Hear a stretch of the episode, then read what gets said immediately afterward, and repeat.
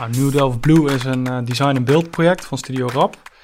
Het zijn twee toegangspoorten uh, naar een verhoogde binnentuin binnen een uh, vrij traditioneel woningbouwblok binnenstedelijk in Delft, tussen station Delft en station Delft-Zuid. En daar hebben wij het concept New Delft Blue geïntroduceerd. Dat is de 3D geprint keramiek. En voor het ontwerp hebben wij ons laten inspireren op uh, Delfts Blauw Servies we hebben goed gekeken naar uh, hoe dat uh, in elkaar steekt. En dat kon, uh, wat wij herkenden in, de, in, in Service is een tweeledig concept. Namelijk dat van, van het dagelijkse scène en het decoratieve frame wat er altijd omheen zit. Dus als je naar een Delfts Blauw bord kijkt, dan zie je altijd een scène uit het dagelijks leven in het midden van het bord. En de rand van het bord is altijd vormgegeven met ornamenten uit de natuur. En dat concept, dat tweeledig concept, dat hebben wij geprojecteerd op die toegangspoorten. Dus als je voor zo'n toegangspoort staat, dan kijk je die verhoogde binnentuin in. Dan zie je dus een scène uit leven. En uh, de poort is dus uh, de, het decorative frame. En uh, dat hebben wij, daarbij hebben wij ons ook laten inspireren op ornamenten uit de natuur. Dus we hebben letterlijk ja, planten van, uh, van, van links naar rechts door die tunnel laten groeien, alleen dan in de computer. Die eigenlijk de, de gebruiker begeleidt van een semi-publieke ruimte naar een publieke ruimte, of vice versa. En uh, nou, er zijn uh, prachtige, rijkelijk geornamenteerde tegels uit voortgekomen. En die, die produceren wij vervolgens in onze robotworkshop hier in Rotterdam. vervolgens worden ze elders gebakken en geschilderd, begreep ik. Klopt, ja. Dus we hebben een uh, samenwerking met, uh, met Koninklijke Tichelaar uh, uit Makkum. En ehm, ja, zij zijn onze partner in het stoken en glazuren van, van onze prachtige tegels. Je hoort Wessel van Berendonk, architect en medeoprichter van Studio Rap. Mijn naam is Michiel van Rij, ik ben hoofdredacteur van ArchitectWeb en ben vandaag de gast in de werkplaats van Studio Rap op het RDM Innovation Dock in Rotterdam voor een gesprek met uh, Wessel en zijn compagnon Lucas Terhal, uh, ook architect en medeoprichter van de studio. En we praten vandaag over parametrische ontwerpen en digitale productie. Uh, dit is de zesde aflevering in de serie van podcasts die we in samenwerking met de BNA maken over technologische innovatie in de architectenpraktijk. En om bij het begin te beginnen, uh, Lucas, uh, met Studio Rap combineren jullie een fascinatie voor parametrisch ontwerpen en gerobotiseerde productie. Dat lijkt me ook eigenlijk een ideale combinatie. In een parametrisch opgezet ontwerp omschrijf je in regels het ontwerp. En die regels lenen zich eigenlijk bij uitstek voor om natuurlijk een robot aan te sturen. waar is die fascinatie voor deze thematiek bij jullie begonnen?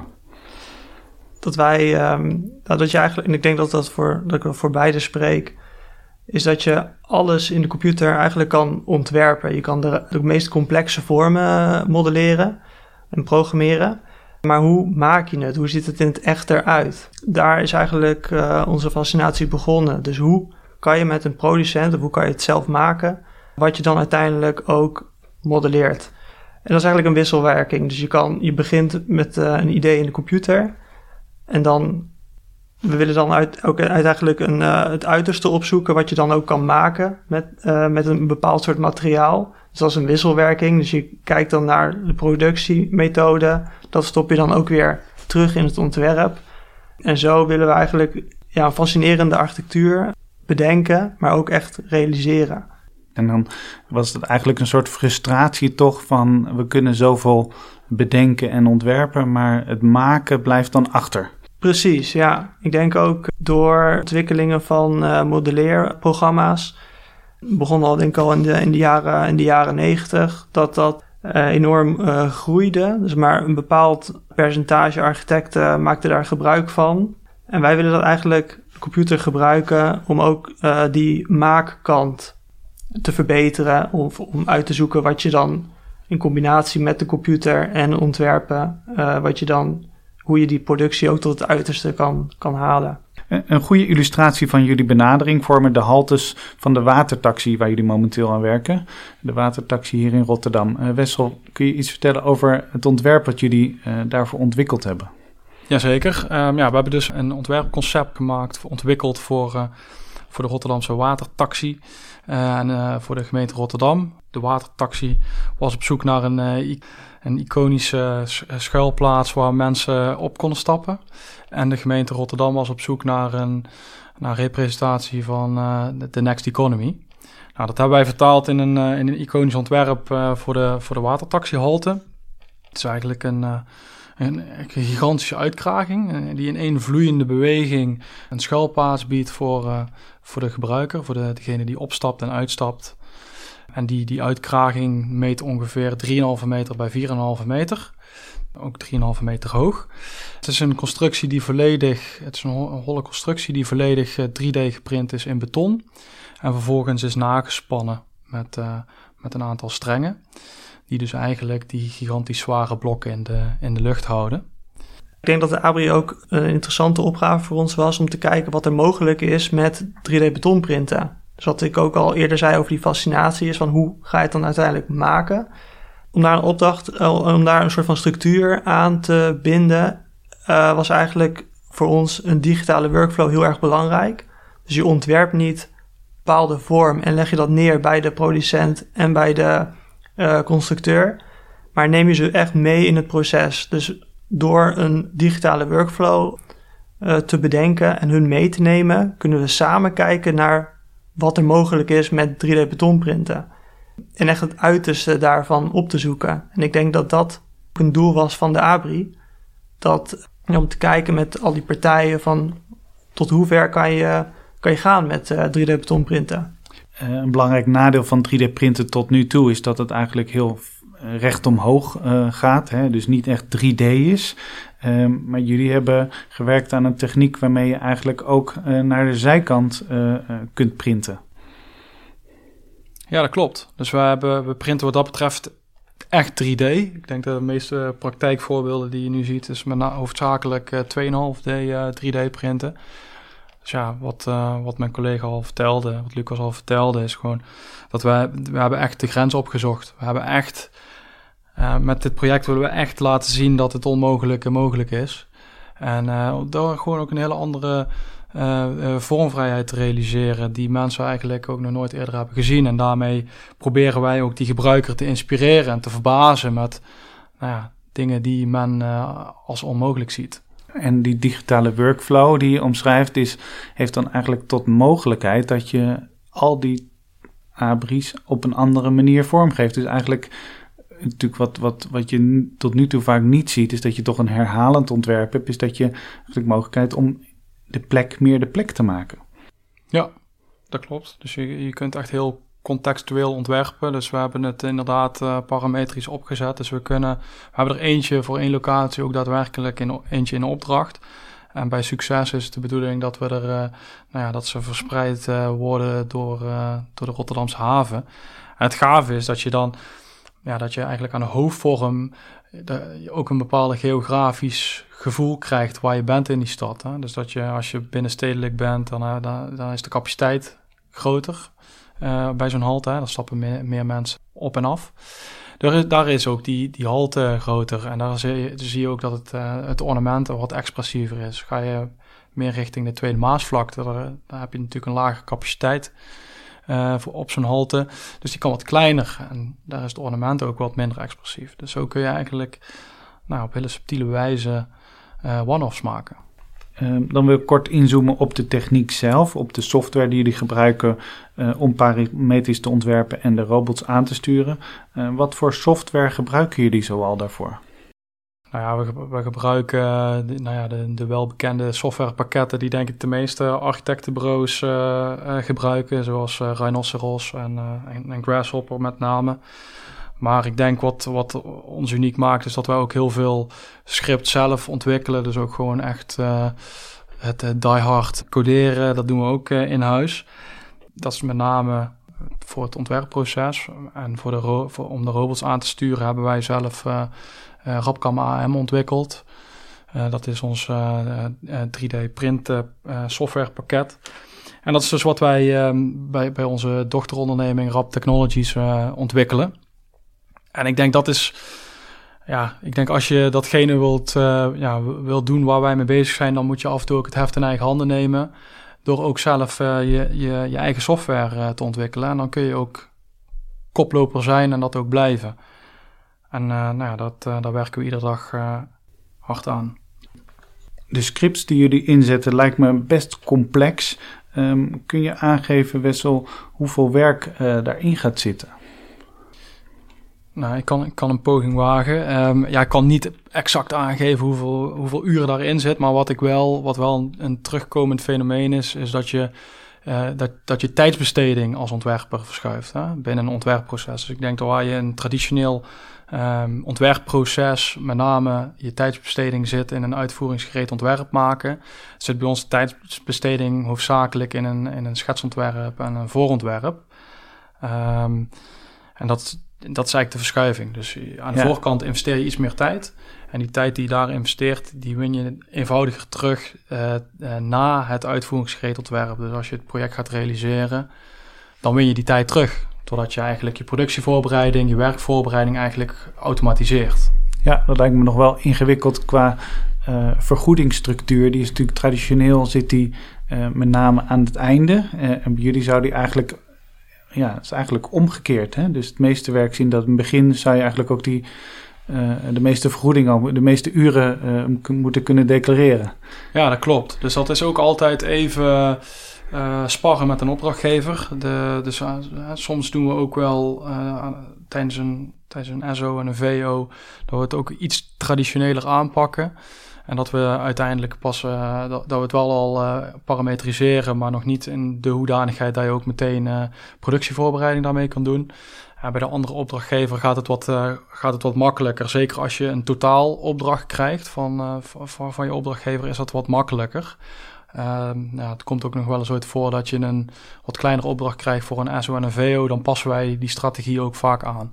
Dus, dus maar net een beetje wat voor opdrachtgever je voor je hebt. En Lucas, merken jullie nou dat jullie in de scripts ook beter zijn geworden in de tijd? We doen dit niet alleen. We hebben echt een fantastisch team waar we mee werken. Die kunnen echt vanaf het begin af aan al enorm complexe scripts uh, ontwikkelen. Dus daar, zijn we niet, daar zien we niet echt de uitdaging in. We zien de uitdaging in om voornamelijk de, de klant en de fabrikant uh, te overtuigen. En daar wordt ons team ook steeds, uh, steeds beter in. Dus voornamelijk echt de communicatie met uh, de fabrikant, hoe je dat integreert in een scripts en hun productie tot het uiterste haalt. Daar, daar ligt voor ons de uitdaging. Ja, daar wordt, ook, daar wordt ons team ook steeds beter in. En wat voor advies zouden jullie aan architectenbureaus kunnen geven aan architectbureaus die dan willen beginnen met parametrisch ontwerpen. Hebben jullie, hebben jullie tips of tricks? Wat, wat, wat zijn jullie gedachten daarbij? Nou, wat ik als allereerste zou willen aanraden is denk dat je als bureau zijnde, als architectenbureau, eerst voor jezelf heel goed moet bepalen wat je doel is. Hè? Van wat wil je nou echt bereiken met, uh, nou, met, met dit gereedschap? En ik denk dan moet je dat volgens mij pas gaan implementeren in je, in je ontwerpproces of in je productieproces of uh, in welk proces dan ook. Um, kijk, voor ons is het gewoon, uh, um, ja, het is een vastgebakken onderdeel in, ons, uh, in onze volledige digitale workflow. Dus het is, ja, bij ons, het is ook niet iets wat je er zomaar even tussenuit kan trekken, want dan, nou, dan breek je eigenlijk die, die digitale ketting. Um, dus het is heel afhankelijk van, uh, van het, ook van het DNA van je, van je bureau, denk ik. Ik denk dat de ene, het ene bureau zet het op een andere manier en op een andere plek in het uh, bouwproject in.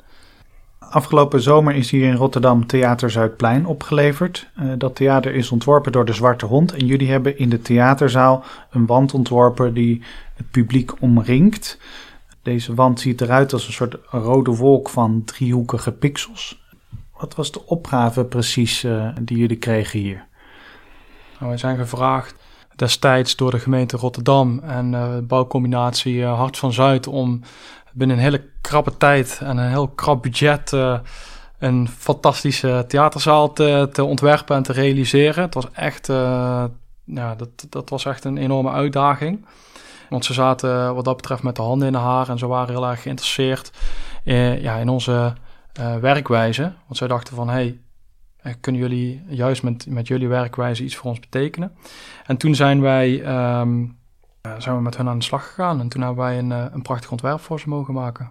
Wat was de opgave qua akoestiek die jullie kregen?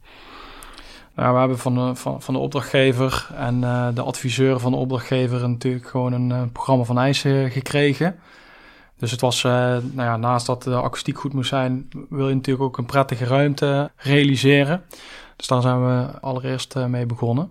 Dus we hebben een, um, een ontwerpconcept bedacht waar alle wanden in, in één vloeiende beweging in elkaar doorvloeien en die eigenlijk in één gebaar eigenlijk uh, het publiek en ook de artiest omarmt. Nou, dat hebben we op een dusdanige manier gedaan dat je in ieder geval een prettige ruimte hebt. Dat je als daar als toeschouwer die hoofdzaal als een prettige ruimte ervaart. En vervolgens hebben we um, dat ontwerp, dat ontwerpconcept, wat ik, wat ik zojuist vertelde, dat hebben we vertaald naar een ontwerpalgoritme. En vervolgens zijn we op, uh, nou ja, op, een, op een macroniveau, dus op, op, op de hoofdmassa van, uh, van het ontwerp, zijn die zijn we gaan kneden in de computer. En dat hebben we samen met, met Erp gedaan. Hebben we uiteindelijk meer dan 10.000 uh, zaalvarianten gemaakt. Dus hebben, een, we hebben dat, dat ontwerpalgoritme een aantal uh, restricties meegegeven. Dus dat je wel altijd ja, de, een fijne ruimte waarborgt. En vervolgens zijn we, nou, zijn we die gaan kneden in de, in de computer. Dat hebben we eerst op een macroniveau gedaan, vervolgens op een microniveau. Dus we hebben die hoofdvorm in de computer hebben we vervolgens vertaald naar, naar, een, driehoekig ornament. Wat, wat goed te herkennen is volgens mij in het ontwerp. En die, die dat ornament dat vloeit eigenlijk voort uit het ontwerp van de gevel. Daar je, zie je ook allemaal driehoeken wat ontworpen is door, door de zwarte hond. En vervolgens um, ja, wilde Erp wilde ook graag een, een, driehoek hebben, omdat het een stijve, sterke vorm is. En um, nou, dat, dat, dat nou, die hebben, vervolgens zijn we gaan bepalen met die algoritmes waar je zuivere weerkaatsingen wil hebben en waar je juist diffuse weerkaatsingen wilde hebben. En dat resulteert uiteindelijk in het uiteindelijke ontwerp. Dus je ziet als je, als je naar die zaal kijkt, daar waar je eigenlijk een vlak landschap ziet van driehoeken, daar heb je dus juist zuivere weerkaatsingen. En daar vooral in de achterkant van de wand uh, van de zaal, daar zie je juist een 3D-landschap van, van driehoeken. Daar wil je juist diffuse weerkaatsingen hebben. Nou, zo hebben we eigenlijk die, ja, die akoestiek, die ruimteakoestiek, uh, ja, op de juiste manier kunnen balanceren. Dus dat je alleen maar met weerkaatsingen en de gewenste akoestiek krijgt. Dus er zit ook geen, het is aluminium, uh, vrij atypisch materiaal om uh, toe te passen in een theaterzaal.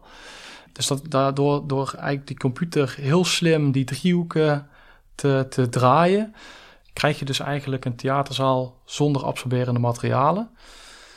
Um, met, ja, met een perfecte akoestiek. Ja, ja voor die locatie uh, gewoon de, de perfecte akoestiek. Ja, absoluut. En um, ja, vervolgens geef je een. Uh, nou, zitten er ook natuurlijk bepaalde restricties aan.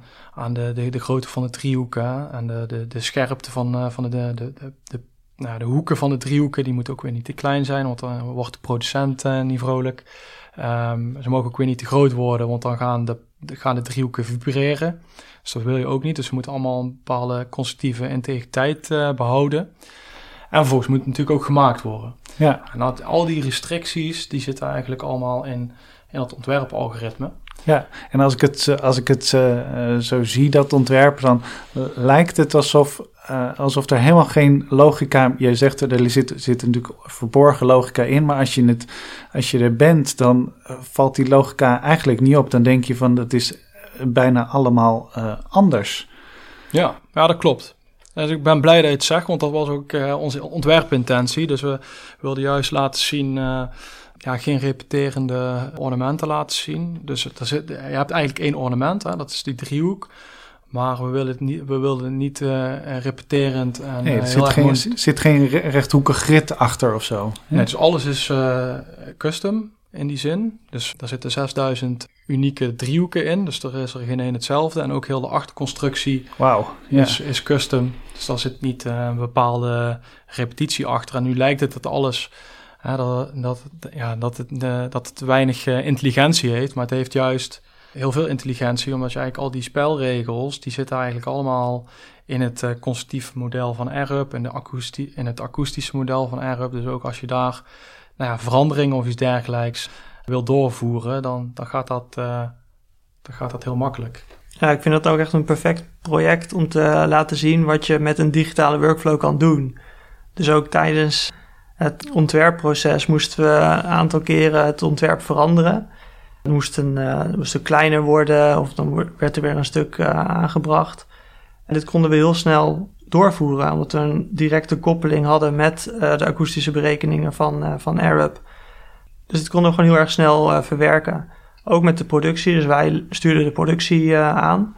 Dus ook tijdens, de, tijdens het maken eigenlijk, tijdens de, de ophanging of tijdens, het, tijdens de plaatsing van de elementen werd er nog ontworpen door ons.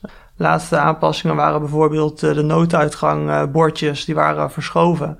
En wij konden het eigenlijk tijdens het plaatsen dus nog ontwerpen en aanpassen en nog doorvoeren in de, in de productie. Dus op het laatste moment werd eigenlijk nog gewoon ontworpen. Ja, precies. En dat was dan een onderdeel, neem ik aan, wat op dat moment nog niet gemaakt was, maar wat al ingepland was. Ja, ja, precies. Ja. ja, fascinerend. Ja. ja, dat laat dan wel de kracht, eh, de kracht van zo'n van zo'n digitale workflow zien. Hè? Ja. ja.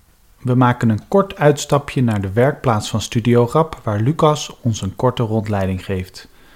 Nou, dit is onze uh, werkplaats. We zien hier allemaal prototypes van uh, verschillende projecten die hebben gerealiseerd. Zo zie je bijvoorbeeld een prototype van het Theater Zuidplein, van de ABRI, van een Circulaire Experience.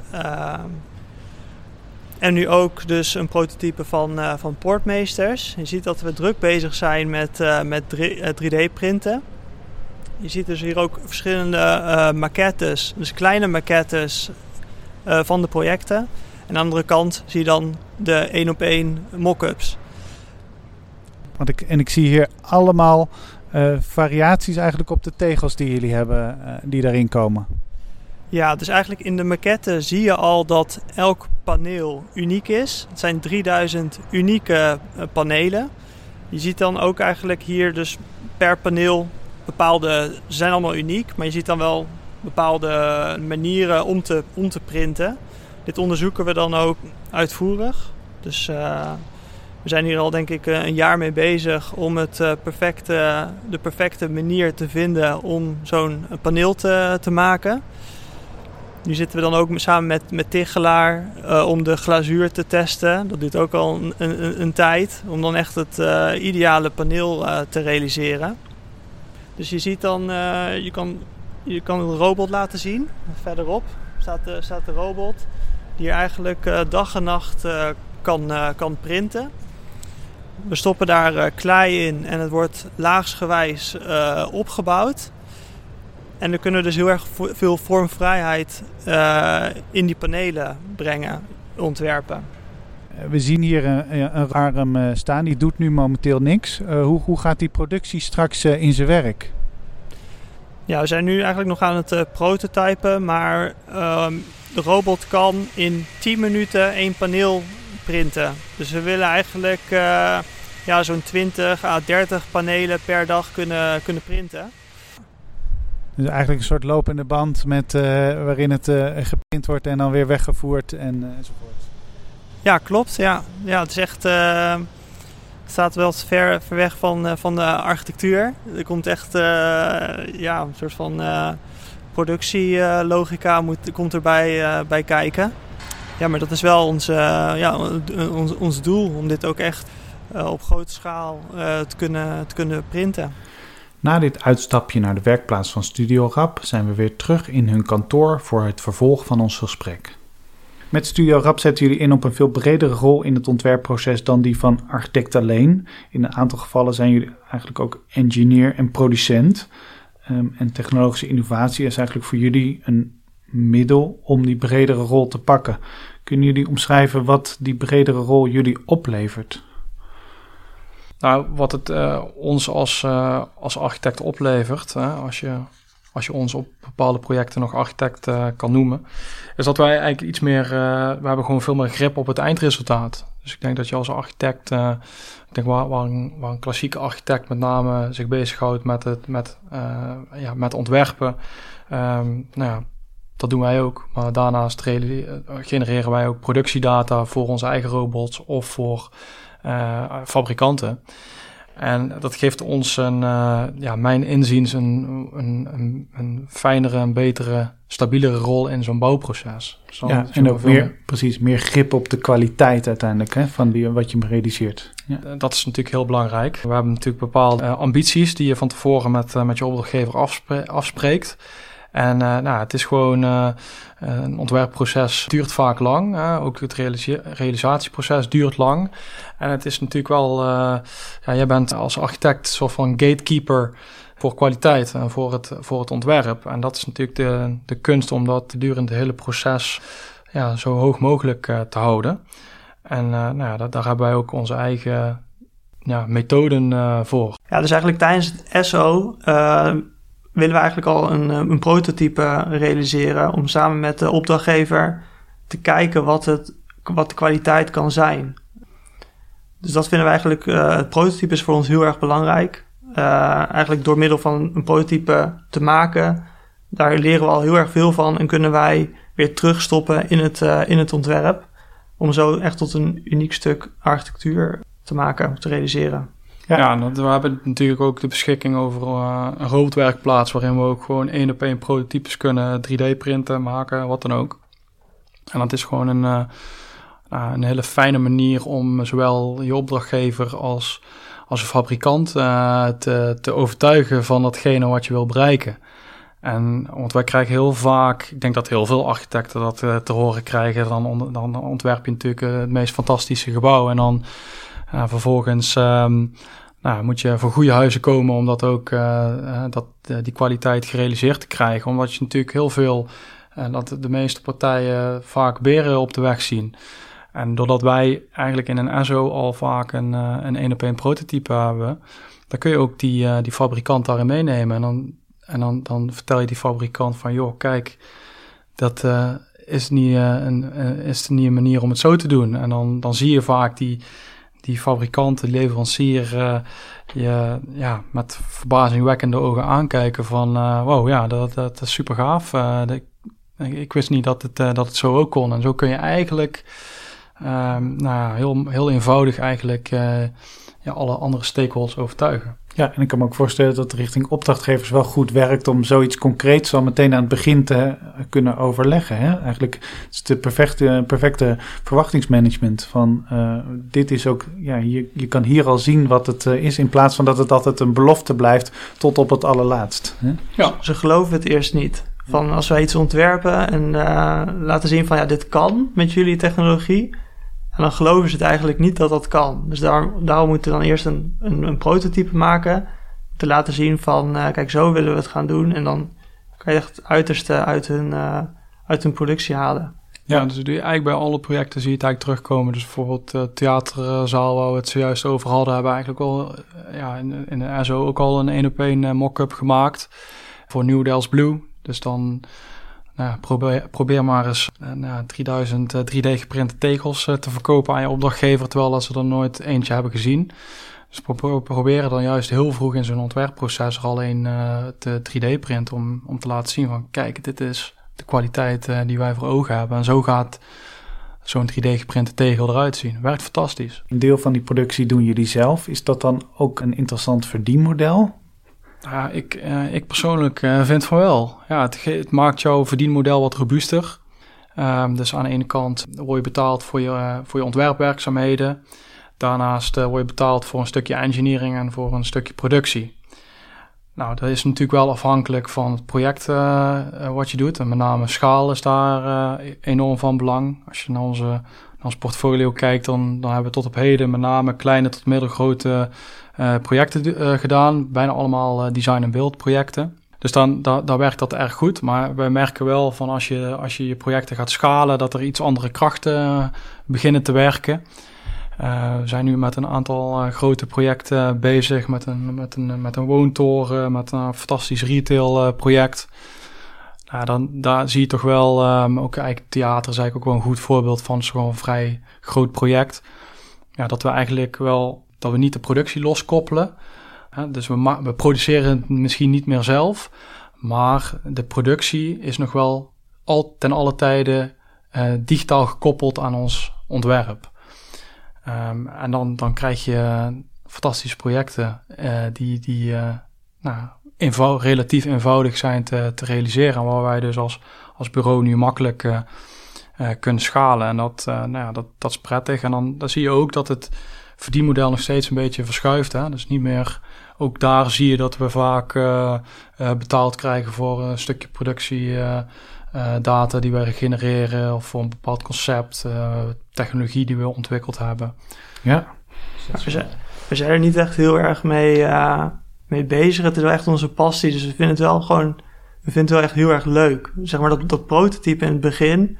Dat is wel gewoon heel erg spannend. Van uh, je gaat met, samen met de fabrikant ga je, ga je eigenlijk kijken wat er, uh, wat er mogelijk uh, is. En ja, dat vinden we eigenlijk wel een van de leukste dingen om te doen. Ja, ja. en ik denk ook, je maakt het, het maakt je uiteindelijk ook een betere architect, naar mijn mening. Is dat je ik denk dat, dat er snel een. Uh, dat, men, dat, ja, dat, men, dat er wel een uh, tendens heerst uh, over digitaal ontwerpen, algoritmisch ontwerpen, dat dat heel ver weg staat van, nou, van de daad zelf. Hè, het bouwen, het detailleren, materialiseren. Maar ik denk dat hoe in onze ontwerp aanpak is juist dat we heel dicht bij, bij de daad zelf komen dus wij, um, wij, wij, ontwerpen wel alles met de computer, maar we maken ook heel veel prototypes. We zijn heel veel met materiaal bezig. We zijn heel veel bezig met van oké, hoe gaan we dat nou, hoe gaan we dat nou ook echt maken? Hoe gaan we die tegen nou ook echt ophangen?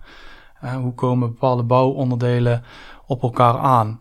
En dat moet je als je, als je volgens zo'n volledige digitale workflow werkt, moet je daar eigenlijk ook al heel vroeg over nadenken ja. in het ontwerp. Dus waar je eigenlijk aan de voorkant denkt van oké, uh, Studio Rap, digitaal ontwerpen, digitaal produceren. Uh, nou ja, dat staat heel ver weg van het bouwen zelf. Ja, dat is juist, uh, ja, dat is eigenlijk niet zo. Het klinkt heel paradoxaal, maar het brengt ons juist heel dichtbij ja, ja. art of making. Exact, ja. Dus digitalisering is ook wat dat betreft een stap juist richting de praktijk. Dat is, dat is in, inderdaad het een beetje contradictionaire ja, verhouding die je eigenlijk krijgt. Je komt echt er dichterop. Toen jullie starten met Studio Rap had ik wel verwacht dat die digitale workflow altijd zou eindigen hier in de, in de werkplaats. En wat jullie vertellen is dat dat toch door, inderdaad, door het opschalen van, uh, van de projecten, dat die workflow inderdaad nu ook eindigt in, bij andere leveranciers. Is, is, hoe, zien jullie dat richting de toekomst? Blijft die werkplaats hier nog wel of ga je, moet je daar uiteindelijk afscheid van nemen? We, gebruiken de werkplaats voornamelijk om te, te prototypen. Dus onze ambitie is zeker om het, uh, om het op te schalen. We zijn dan ook aan het kijken naar welke technieken horen daarbij. Uh, bijvoorbeeld uh, eh, CLT en 3D betonprinten zijn voor ons technieken die heel erg een digitale fabricatiemethode in hun hebben. en daarmee proberen wij ook wat grotere projecten te realiseren. Dus dit jaar zijn we bezig met een, bezig met een 3D-geprinte eh, woning in, in België. En ook een, een CLT-woning in, in Nederland. En we zijn dan ook aan het onderzoeken hoe je dit in een toren kan, kan toepassen. Zo, en blijven jullie daarnaast um, ook dingen wel hier, hier, hier maken in, in, in jullie werkplaats zelf? is, dat, is, dat een, is dat een soort parallel pad wat jullie dan willen bewandelen richting de toekomst? Nou, het is eigenlijk uh, vrij eenvoudig. De, de scheidslijn ligt gewoon uh, bij, bij een bepaalde schaal van een project. Dus we zijn nu met, uh, wat, we, wat we al vertelden, New Dells Blue, dat is een, project, een design- en beeldproject van ons. Dus dat ontwerpen we, maar dat produceren we ook. Um, dus dat is een schaal die wij gewoon prima design en beeld kunnen, kunnen realiseren. Maar onze ambities, nou, die reiken verder dan, dan die schaal. En um, nou, daarvoor hebben we wel een aantal mechanismen ontwikkeld hoe we dat eigenlijk heel, eenvoudig kunnen opschalen. Dus we hebben eh, een aantal jaren geleden ook uh, Rap Technologies uh, ontwikkeld. Dat is een, uh, een dochteronderneming van ons waar wij dus software ontwikkelen voor de maakindustrie. waar we dus ook de Rapcam AM hebben ontwikkeld. En zo stellen wij eigenlijk heel veel fabrikanten over de hele wereld in staat om digitaal te produceren.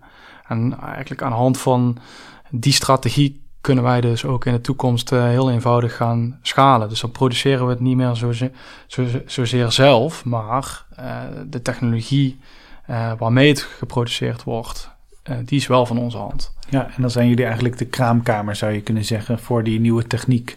Dat is dan uiteindelijk de, de positie die jullie zoeken. Ja, ja zeker. Dus we proberen echt ehm, nou ja, koploper te zijn in de toepassing van nieuwe materialen, nieuwe ontwerpmethoden. nou, de, we Ehm, nou, we produceren zelf, we ontwikkelen zelf technologie zoals je, zoals je net hebt gehoord. En uh, die, die, doen we vervolgens van de hand um, om uiteindelijk het te kunnen schalen. Een interessante ontwikkeling vind ik in de. Hè, we hebben natuurlijk een woningbouwopgave in Nederland om veel meer woningbouw te, te maken. En je ziet eigenlijk weer een verschuiving. Dat heeft ook met natuurlijk beperkte uh, mankracht op, in de bouw eh, te maken, richting weer fabrieksmatig uh, bouwen. Hè. Er worden weer nieuwe woningfabrieken gemaakt. Je ziet een opkomst toch van modulair bouwen. Hoe, hoe kijken jullie daar tegenaan, tegen die ontwikkeling? ja, super. We hebben woningen hard nodig. Dus met deze technologie gemaakt kan worden, dan is natuurlijk super. Onze ambitie is wel om meer de creatieve kant, of de artistieke kant op te zoeken van die technologie. Dus wat is er met die technologie mogelijk? Dat willen we dan ook laten zien van uh, we zoeken dan echt het uiterste op. In plaats van uh, onze ambitie is dan niet om de meest efficiënte en uh, de meeste woningen te, te realiseren. Ja, we willen juist kijken naar wat, wat daar nieuwe technologische mogelijkheden ons als ontwerper brengt. ik, vind, ik sluit me aan bij wat Lucas zegt. Het is een fantastische ontwikkeling en we hebben hartstikke uh, veel woningen nodig uh, in, de toekomst. En ik denk dat er ook gewoon heel veel vraag naar is. Dat, heel veel, um, nou, dat er heel veel opdrachtgevers zijn die uh, dat een prettige woning vinden. Maar ik vergelijk het graag vaak met, um, ja, met de ontwikkelingen begin jaren 90 op het gebied van computer-aided design, de CAD-programma's. Nou, ik denk dat in die tijd tot op heden, denk ik, 90%, 99% van de architectenbureaus die innovatie hebben gebruikt om de tekentafel te vervangen uh, naar een uh, digitale tekentafel. En er, zijn een, uh, ja, er is een heel klein groepje avant-gardistische architecten uit de jaren 90. Ja, dan moet je denken aan, aan een Greg Lynn of een Peter IJzerman.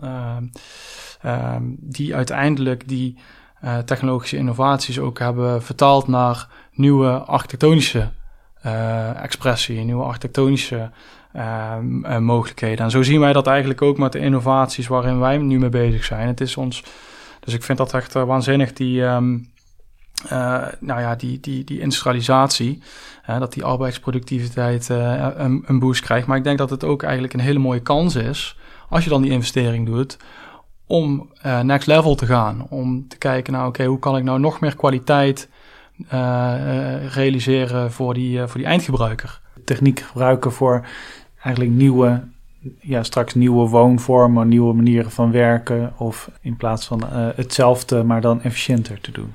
Ja, ja, exact. Ja, mooi. Ja, ik ben heel benieuwd. Uh, kun je nog een, uh, wat, wat, als we naar richting de toekomst kijken, wat kunnen we van jullie verwachten de komende jaren?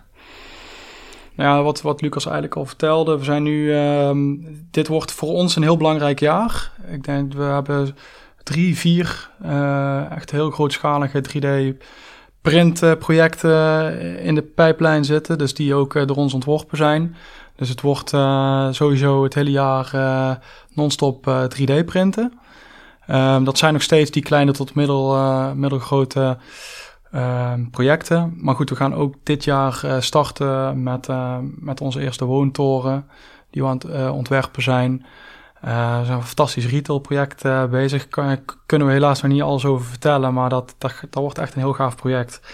Um, er staat in de planning dat dat ook eind dit jaar opgeleverd moet gaan worden. Zo, snel. dus um, nee, het is echt heel uh, dus, genoeg. En, um, en kijken jullie ook al over de grenzen? Ja, zeker.